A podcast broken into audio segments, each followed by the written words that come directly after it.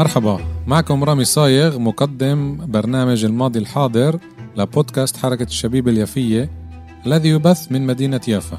برنامج الماضي الحاضر سيشبك بين أحداث تاريخية وبين واقعنا الحالي الذي نعيشه بشكل خاص في البلاد وفي الوطن العربي بشكل عام. سأستضيف من خلال البرنامج شخصيات يافوية وفلسطينية للبحث في هذه الأحداث.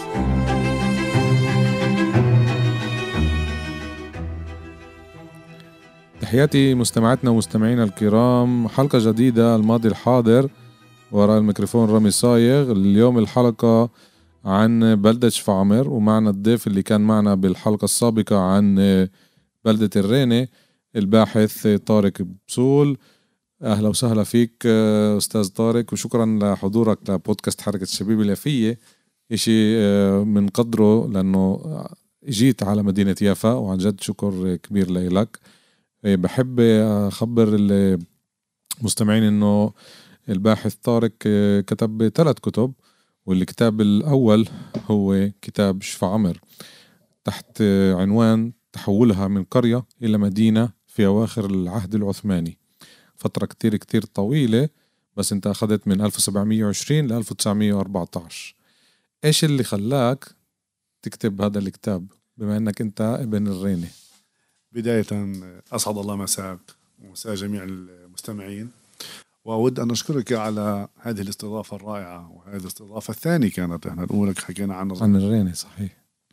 نعم أكيد. آه اختيار مدينة شف عمر لم يكن عبث وكان له بنية تحتية خصبة من أجل اختيار هذه المدينة ودراستها خلال فترة تاريخية تقارب حوالي 200 عام. من عام 1920 حتى عام 1914 طبعا بشكل عام الباحث الذي يريد أن يقوم في تحضير دراسة معينة عليه دمج بين أمرين أساسيين. ألا وهما المكان أو الموقع أو الموضوع. اثنين وهل هذا الموضوع وهذا المكان له مصادر تاريخية بالإمكان الاعتماد عليها من أجل سكب ماء المعرفة والإضاءة على البحث. هذول أول عاملين. بإمكاننا أن نزيد عاملين آخرين على هذين العاملين. وهما العامل الثلاثي هل تم تحضير دراسي عنها. حول هذا الموضوع؟ إذا لا معناته إحنا صبنا الهدف. النقطة الرابعة والأخيرة هل الفترة الزمنية التاريخية حصلت على ما يكفيها من دراسات كاملة ولا لا؟ امم اواخر العهد العثماني وهذا ما اشرنا عليه في حلقتنا السابقة. امم معظم الدراسات حضرت عن الناصري اواخر العهد العثماني حيفا كذلك الامر المدن الرئيسيه يعني بشكل عام المدن الرئيسية. ولكن تم تهميش المدن الثانوية خلينا نسميها. أو مدن البلدات. قرويه مدن قروية بلدات. مم. مدينة الناص إيه، شفا عمر حصلت على مركز مديني في 27 كانون ثاني عام 1910 يعني في أواخر العهد العثماني يعني آخر حوالي سبع سنين. ومنح هذه المكانة كان له عدة عوامل عدة أسباب. لم تبحث ولم تدرس ولم يتطرق إليها. هنالك بعض الدراسات وبعض الكتب التي كتبت من قبل السكان المحليين. أنا بحكي على دراسة اكاديميه من الدرجه الأولى. لم تحضر حتى يومنا وحتى إصدار هذا البحث دراسه حول شف عمر الأمر الذي جذبني في تحضير دراسة عن شف عمر ولم يقف هذا عند ذاك.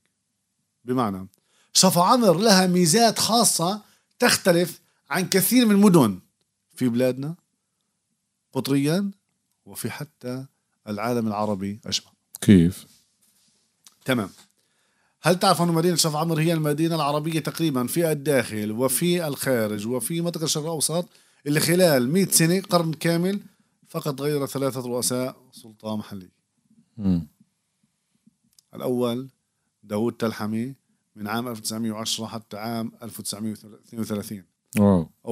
أو للتدقيق من كانون ثاني 1910 حتى تشرين أول عام 1932 الرئيس الثاني اللي هو عبارة عن جبور يوسف جبور أبو الياس. مم. من كانون ثاني 1933 حتى عام 1969 واو. الرئيس البديل الثالث اللي هو إبراهيم نمر حسين أبو حاتم من عام 1969 حتى عام 1998 قرن كامل ثلاث رؤساء سلطات محلية. هل في أكيد سبب. تعرف مدينة من هذه هنا الأسباب راح دراسه بعرف خاصة. دول. رؤساء دول. هذا أول عمل. شف عمر تقريبا كمدينة. هي المدينة الوحيدة في البلاد حتى عام 1920 تكونت من أربع طوائف. دروز مسيحيه إسلام ويهود. مم. اليوم لحتى تاريخ للتدقيق في حتى 2021 خمس- 25 10 2021 كانت هي المدينة العربية الوحيدة في الداخل المكونة من ثلاثة طوائف. 25 أو في منتصف 20 آه، في منتصف تشرين أول 2021 مغار حصلت على مكانة مدينة. صحيح. بعد دخول منصور عباس إلى الائتلاف وعائلة تشكيت حاولت أنه آه، كمساعدة من آه، منح مدينة المغار كمدينة في تشرين أول عام 2021 ولكن حتى تشرين أول 2021 كانت شف عمر هي المدينة العربية الوحيدة الموجودة في الداخل اللي آه، مكونة من ثلاثة طوائف. مم. طبعا إذا سمحت لي على السريع نذكر المدن العربية الموجودة في الداخل. طبعا في عندنا ست مدن في الجليل ست في المثلث ومدينة واحدة في آه النقب. الست في الجليل على جناح سرعة إذا سمحت لي عزيزي. المغار عرابي سخنين. طمره شف عمر والناصري هذول ستة موجودين في الجليل مم. أما في منطقة المثلث في عندنا مدينتين في المثلث الشمالي اللي هن مدينة أم الفحم ومدينة باغ الغربية وأربع مدن موجودة في المثلث الجنوبي اللي هن عبارة عن قلنسوة كفر قاسم الطيري والطيبي مم. هيك بصدنا 6 و6 12 والمدينة 13 والأخيرة هي مدينة راهط عاصمة النقب. هذول عبارة عن 13 مدينة من قلب ما يقارب 110 بلدة عربية موجودة في البلاد في الداخل. اللي بيكونوا طبعا بعد حرب 1948 إحنا خلينا نرجع هذه النقاط آه والنقطة الأخيرة شفا عمر هي احدى المدن العربية واحدى البلدات العربية التي لا يوجد فيها عائلة كبيرة من ناحية عدد السكان حمولة حمول كبير فيش فيش فيها. فيش. هذه هذا هذا السبب هو نتيجة التغيرات التاريخية التي حصلت وخصوصا عن الفترة اللي حكينا عنها في الحلقة السابقة هي فترة الحكم العسكري مم. على فكرة شفا عمر تحولت لتكون عن ملجأ للكثير من النازحين الذين وصلوا إليها من قرى قريبة المحيط الجغرافي مم. وبعيدة مم. معلول الدامون آه، هوشي الكساير آه، قسم من سكان آه، حتى حيفا ميعاد ومعار والرويس وما شابه كثير وصلوا إلى مدينة شف عمر هذا الإشي بدأ يعمل عملية تغيرات اللي هي ديموغرافية أيضا خلال فترة. الحكم العسكري ولكن هذه دراسة خاصة تانية. مهم. آه، ثانية وخاصة بها ولا ننسى في تلك الفترة كان عندنا مجتمع هو مجتمع آه، فلاحي مم. والمجتمع الفلاحي يتميز في آه، نسبة الخصوبة عالية لدى المرأة وأن زيادة طبيعية جدا عالية لدى السكان المسلمين مم. لدى السكان المسلمين طبعا وهي كانت النتيجة الأساسية إنه خلال فترة الحكم العسكري التغيرات الديموغرافية التي حصلت في شفا عمر جعلت انه الطائفه الإسلامية تزديد من عدد نسبتها واختيار لأول مرة في تاريخ شفا عمر تم اختيار رئيس. رئيس بلدية مسلم وعباره عن إبراهيم بن حسين في عام 1969 مم. قبله اثنين كان داود تلحمي وجبور جبور كمان مرة إحنا لا آه، نفسخ بين الطوائف ولكن مم. هذه أبحاث ديموغرافية أكيد. ديموغرافية طب إيش الإشي الأساسي اللي كان بفترة الح- الحكم العثماني اللي خلى شفا عمر تكون على الخارطة زي ما بقولوها تمام. الموقع الجغرافي. كمان. موقع. الموقع الجغرافي. مدينة شفا عمر وحتى هنالك كمان تم آه، آه، تلقيبها وإلقاء اسم عليها بوابة الجليل. مم. شفا عمر موجوده بين مثلث ثلاثة مدن. وهي المثلث يا للصدفة بعيدة من نفس المسافة. آه. حيفا مكة والناصري وإذا بنطلع على المسافة 18 كيلومتر خط هواء من بين. هذول الثلاث مدن جميل كل من يريد الانتقال من عكا أو من حيفا إلى الناصري بده محطة يستريح فيها كان صح. يختار شفيق مدينة شفا عمر مم. هذا موقع جغرافي جدا هام مم. في تلك الفترة تحولها إلى محطة استراحة بدأ شوي شوي مع يعني من خلال المصادر الأولية اللي اعتمدت عليها منها السجلات السوق بدأ ينمو في سنوات السبعين. من؟ في سنوات السبعين من القرن التاسع عشر. مع بداية سنوات الثمانين. ليه؟ لأنه شو المصادر اللي إحنا اعتمدنا عليها؟ منها الرحالي أو منها رجال الدين المسيحيين وصلوا لغاية وقاموا في كتابة الكتب. ديركهام شموخير وما شابه. ومعظمنا وحتى الصندوق الصندوق الدراسات البريطانية اللي وصل للبلاد هون وقام في تحضير دراسات انه حديد سنوات السبعين لم يذكر كلمة سوق. كان يجي يقول في عندنا كنيسة كاثوليك مع الكنيسة آه، مع عندنا المسجد وعندنا سكان عدد السكان قديش كل طائفة. ولكن عملية ظهور كلمة سوق في المستندات التاريخية المختلفة منها الرسمية ومنها الغير رسمية بدأت مع نهاية سنوات السبعين وبداية سنوات الثمانين من القرن التاسع عشر. وحسب رأيي هذا الإشي كان نتيجة تحولها إلى مركز استراتيجي يربط ما بين مدينتي الساحل ومدينة الناصر. الناصر. وحتى أنا خلال كتابي عملت مقارنة ما بين اللد بالرملي اللتين يقعين يقعين على موقع جغرافي شبيه حيفا ما بين يافا والقدس. غير عندنا حيفا هم من المركز مركز إبراهيم. وصل نشاط على فكرة. الرملي شاهدوا نشاط اقتصادي فوق العدد العثماني نتيجة تحولهم مركز. إلى منطقة مركز ما بين الشمال والجنوب والشرق والغرب صحيح. الشرق والغرب ليس شمال وجنوب شرق غرب بالأساس. شرق مم. جنوب شمال كان جدا بسيط ولكن شرق غرب هو كان صحيح. كانت المحطة الرئيسية. المحطة آه، الرئيسية. صحيح.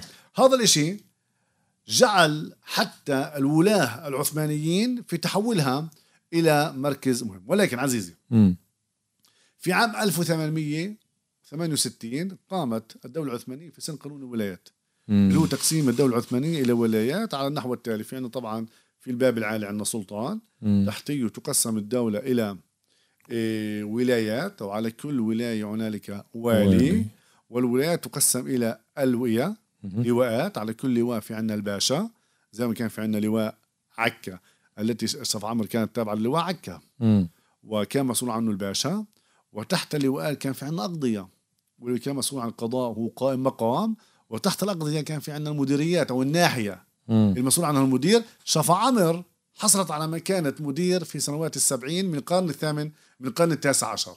مم. يعني الدفع أو خلينا نقول اختيارها لتكون مركز ناحية بسبب موقعها الجغرافي. ليس فقط أنه هي تصل ما بين يافا وعذرا بين حيفا وعكا مع الناصري بل أنها كانت أكبر قرية في المحيط الاستيطاني الذي يحيطها.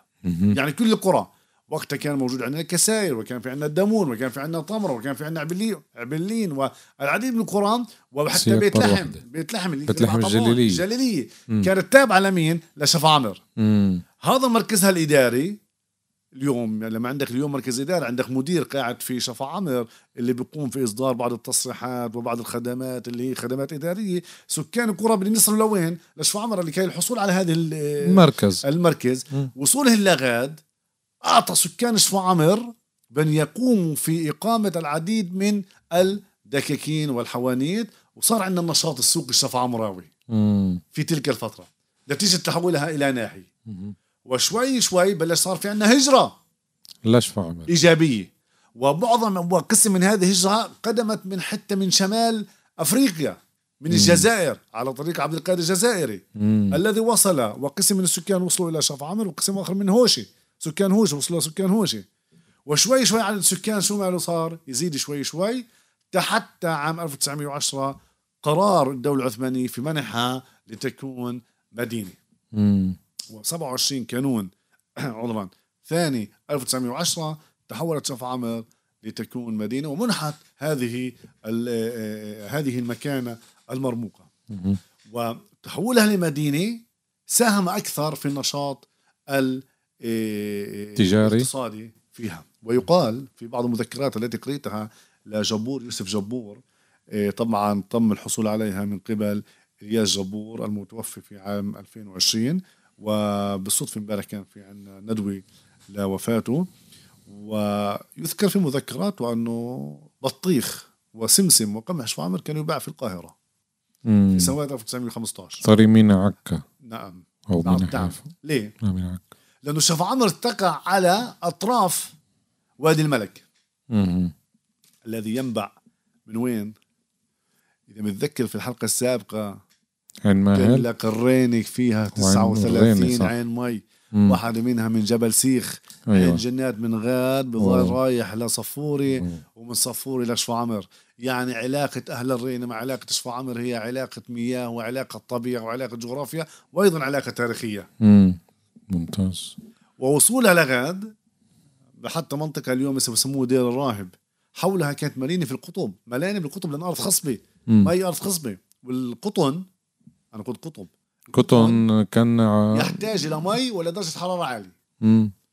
كان من أكثر نعم. المنتجات الزراعية بفلسطين. وهي ال... هي هي الميزة الجغرافية مين اكتشفها؟ قبل الدولة العثمانية وقبل بريطانيا. حاكم عربي ظهر عمر. استلم ظهر عمر الزيداني جاي أسألك على هاي الفكر الفترة تبعته. وظهر عمر الزيداني حول مدينة شف عمر أو كانت اسمها قرية شف عمر لتكون مركز حكم أيضا لضوء القرى الضاحية اللي فيها. طبعا مم. شف عمر طبعا شف عمر أنا كتبت بكتاب 1720 لأنه ظهر عمر وصل على شف عمر في عام 1950 49 50 1750 1950 امم 49 50 امم ولكن قبله كان ابن عمه. محمد علي اللي هو موجود في الدامون. كان يصل لشف عمر وبداية ش- يعني خضوع شف عمر تحت الحكم الزيداني بدأ في عام 1920 لما اجى ظهر عمر اكتشف يا عمي أنا واقف هنا وشايف الساحل. أنا واقف يعني بالضبط اليوم وين في عندنا قلعة شفا عمر اللي انبنت على إيه، مم. بناء قديم من الفترة البيزنطينية. من غير بإمكانك تشوف من رأس النقورة حتى جبال جبال سلسلة جبال كرمل بحيفا. يعني في قدامك مدى جغرافي جدا واسع. امم يعني بإمكانك تشوف البحر ومراقبه البحر من شفا عمر. فأمر بتحويل شفا عمر تتحول إلى مركز إدارة أو مركز ليش نسميها ناحية لأنه هو سميت ناحية في وقت العهد العثماني ولكن أصبحت مركز إدارة مم. لشفا عمر لمنطقة الجليل الغربي ووضع عليها طبعا أحد أبناء عثمان. امم عثمان بن ظهر عمر. وشفا عمر بدأت آه، تشهد آه، ازدهار ازدهار. ازدهار صحيح. ازدهار اقتصادي وحتى قدوم بدو. هنالك آه، أبحاث تقول أنه البدو الموجودين في شف عمر هن قدموا مع ظهر عمر الزيداني وحتى اليهود قدموا مع ظهر عمر الزيداني والتسامح الديني لدى عمر الزيداني هو من دفعه بإعطاء صلاحية لليهود اللي انوجدوا في شف عمر في ترميم الكنيسة اللي في شف عمر. كنيس صحيح ذكر نعم مزبوط في شف عمر. هاي الفترة كتير كتير مهمة إنه أنا كمان لما بنعلم التاريخ آه، موجودة بس بتاريخ صف ثامن للأسف بس بحب أشدد عليها. ظاهر العمر كان من مؤسسي نظام سياسي شبه مستقل من العثمانيين. عشان هيك بالآخر قتلوه العثمانيين لأنه رفع راسه والسلطان كان يقول اللي بيرفع راسه بقطعه. فهي يا ريت تعطينا كمان معلومات إذا في عن الفترة تبعته بشكل خاص عن شفا عمر إيش كمان كان في أشياء اللي إلها علاقة بالحقبة تبعته لظاهر العمر؟ اذا أول شغلة من ناحية إدارية حولها لتكون مركز اقتصادي بطلت. هامشية صارت لا. مر- مركزية. مركز سياسي من الدرجه الأولى. أكثر مركز من حكم. طبرية نعم مش بس هيك. كونها مدينة مهمة تم تعيين أحد أبنائه عثمان مم. ليكون حاكم عليها مهم. هو هاي. عين أبنائه كمان علي ومن سعيد في صفوري علي في منطقة صفا مم. سعد في دير حنا مم. صليبه ظل عنده في حيفا بتأسف في طبرية وكان يتداول في مدينة الناصر في منطقة السرايا اللي مم. موجودة في مدينة الناصر مم. من ناحية اقتصادية هو شجع الفلاحين في زراعة الأرض مم. وبالتحديد القطن ليه؟ لأنه في تلك الفترة كان في عندنا نقص في القطن في الدول الأوروبية روسيا كانت تتاجر كتير قوي وفرنسا وبريطانيا وكان صحيح. بحاجة إلى قطن مم. فشجع السكان كيف بده يشجع الس- السكان وفي تلك الفترة الفلاح كان يخاف من بعض الغزوات البدوية اللي كانت تكون على القرى صحيح. والمدن فهو عزز الأمن في المحيط الجغرافي الجليلي مم. يعني حتى في واحد في المذكرات بيقول كانت الم... أصبحت المرأة في فترة ظهر عمر زيدان. المرأة تنتقل تسافر في ساعات الليل من منطقة لمنطقة دون خوف. صحيح. قبل ظهر عمر في ساعات النهار كان الخوف. مم. اذا عامل الثاني هو عامل أمني. كيف العامل الأمني؟ ليس فقط في تعزيز رجال الأمن بل أنه في حدود. اقامه إقامة بعض القلاع أو السرايا في مناطق جغرافية. مم. شو الفرق بين القلعة والسرايا؟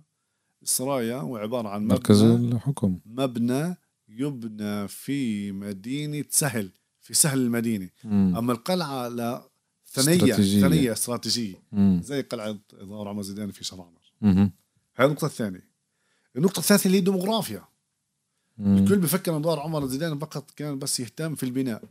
نعم هو بنى قلعته في صفوري وبنى على المسجد في إيه اللهم صل على سيدنا محمد في طبرية وبنى السرايا في الناصري وبنى في عكا صفد. وفي صفد وفي دير حنا بنى المسجد مم. ولكن أيضا اهتم في العامل الديموغرافي هو شجع الراف أبو العافية في الحضور من إيه طبرية وسكن في فترة معينة في إيه، شف عمر. وازداد النشاط اليهودي وهذا الشيء حتى المصادر اليهودية في تلك الفترة تشير عليه. تذكر أكيد. ما راح يذكروا وذلك تذكر, تذكر. وتشدد هذا الشيء من ناحية ابنيات طبعا أقيم مسجد ظهر عمر الزيداني اللي اليوم معروف وظهر عمر الزيداني المسجد القديم. أقام عثمان ابن ظهر عمر الزيداني مم. ومن أجل تعزيز طلع مدينة شرف عمر في تلك الفترة هي مدينة اذا بعرفش إذا وصلت لها أنت. أكيد هي كنا مدينة عبارة عن بتبلش ال- ال- الاستيطان أو النواة تبعها على قلعة على التلال طبعا هي موجودة على ثمان تلال. عشان هيك تسمى أيضا روما الصغرى مم. ثمان تلال ومن الناحية الغربية في عندنا سهول خصبه كبيرة. هذا الإشي هذا الإشي جذب عيون شف... آه، ظهر عمر في تقوية وتعزيز مكانتها الاستراتيجي والأمني بمعنى. أنه مش بس قام قام فيها عين فيها ابنه يعني معين ابنه معناته الإشي جدي مم.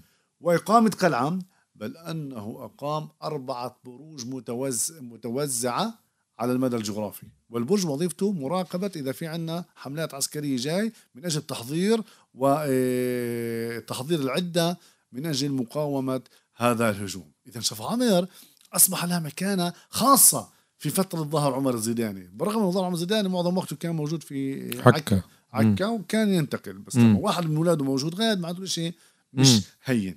من هنا شفا عامر ازدادت نسبة القطن في زراعة شفا في أراضي في شفا عامر وتحولت من ناحية سياسية ومن ناحية إدارية بعد حكمها بعد جعلها مركز حكم. من ناحية ديموغرافية عدد السكان زاد وعندما نتحدث عن المساحة أو المجال الجغرافي أو المدى الجغرافي بدأت رقعة الاستيطان شوي شوي تتوسع نتيجة بناء القلعة وبناء الجامع ووصول السكان الذين قاموا في بناء غرفة هنا وغرفة هناك ولكن المساحة الجغرافية أخذت تتوسع. رويدا رويدا ليس في نسب عالية ولكن نسب اللي هي نسبيا مقبولة.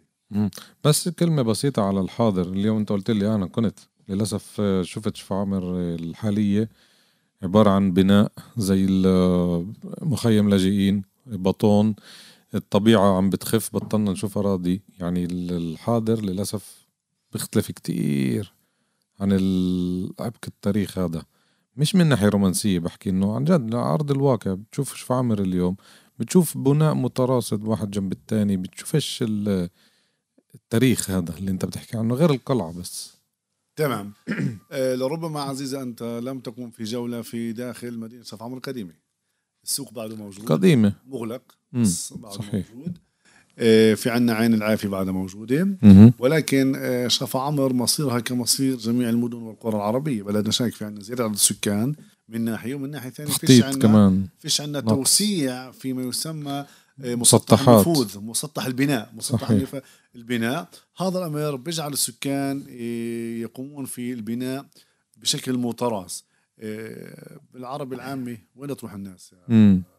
مجبور إلى قيله بناء في المدى الخاص وهذا الشيء يؤدي إلى زيادة في الكثافة السكانية نعم أنت محق بالرغم أنه شفا عمر يعني في أواخر العهد العثماني وصلت مساحة نفوذها وأراضيها إلى 97 ألف دنم مم.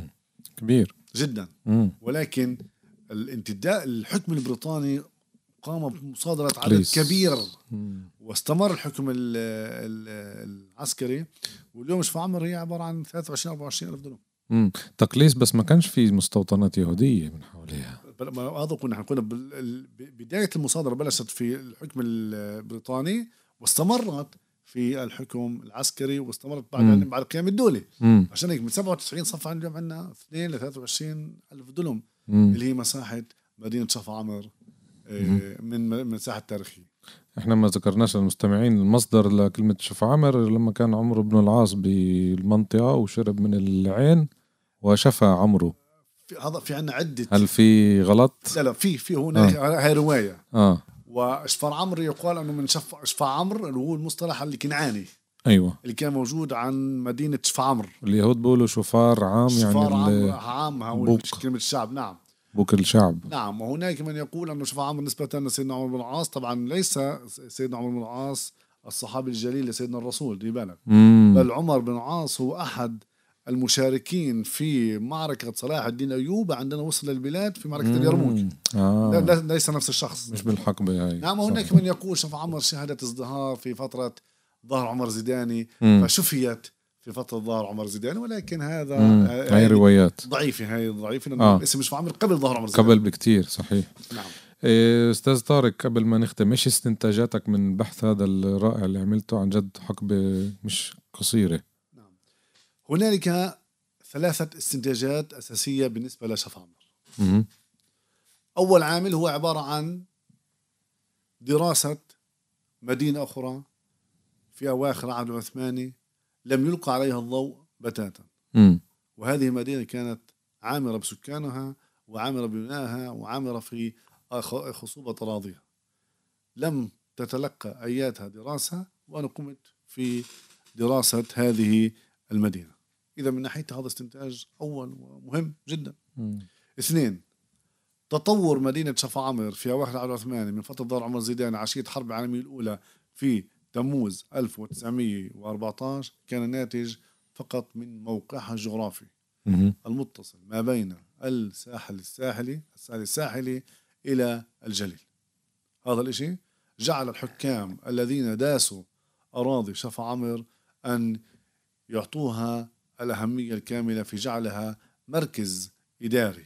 زمن ظهر عمر زيداني مركز ناحية في أواخر العهد العثماني وبلدية منذ فجر القرن العشرين. النقطة الثالثة والأخيرة هو عبارة عن تطبيق المجال العلمي الجغرافيا التاريخية. نحن دائما نقول أنه هل هنالك علاقة بين الجغرافيا والتاريخ؟ العديد حتى من. طلابنا في المدارس يقولون لا هذا البحث سوف يجيبهم أنه نعم هنالك علاقة كبيرة ما بين الجغرافيا والتاريخ والسياسة والعكس. صحيح. جميل جدا. وكمان مرة بتشكرك لوقتك وللمعلومات القيمة ونتمنى لك النجاح برسالتك بالدكتوراه شكرا تستحقها. وعن جد إحنا بنرفع راسنا بأمثلة مثلك. وإن شاء الله ضلك آه، مثابر بالطريق هذه. وإن شاء الله كمان المستمعين استفادوا من هاي الحلقة. كتير كتير بنشكرك كمان مرة أستاذ طارق ونشكر المستمعين ونحب دائما نذكرهم بصفحاتنا المختلفة وتطبيقاتنا. إحنا موجودين على Spotify وال Podbean وال Apple Cast وال Google Cast تقدروا تتابعونا بالفيسبوك كمان عندنا صفحة بودكاست حركة الشبيبة اليافية اللي بننشر حلقاتنا فيها أسبوعيا كل تنين وخميس. عندنا برامج مختلفة كمان عندنا زميلتنا رشا بركات عندها برامج كل يوم تنين صالون رشا وفي برنامج مشترك بيني وبينها اللي هو دردشة مرة بالشهر أيام خميس وكمان عندها برنامج خاص مرة بالشهر اللي هو بصمة محبة. هاي هي برامجنا بودكاست حركة الشبيب اللي فيه متنوعة ولجميع مستمعينا العرب بالفلسطينيين وخارج فلسطين. بنحب نوجه لكم تحياتنا لحلقة جديدة. نقول لكم إلى اللقاء والله معكم.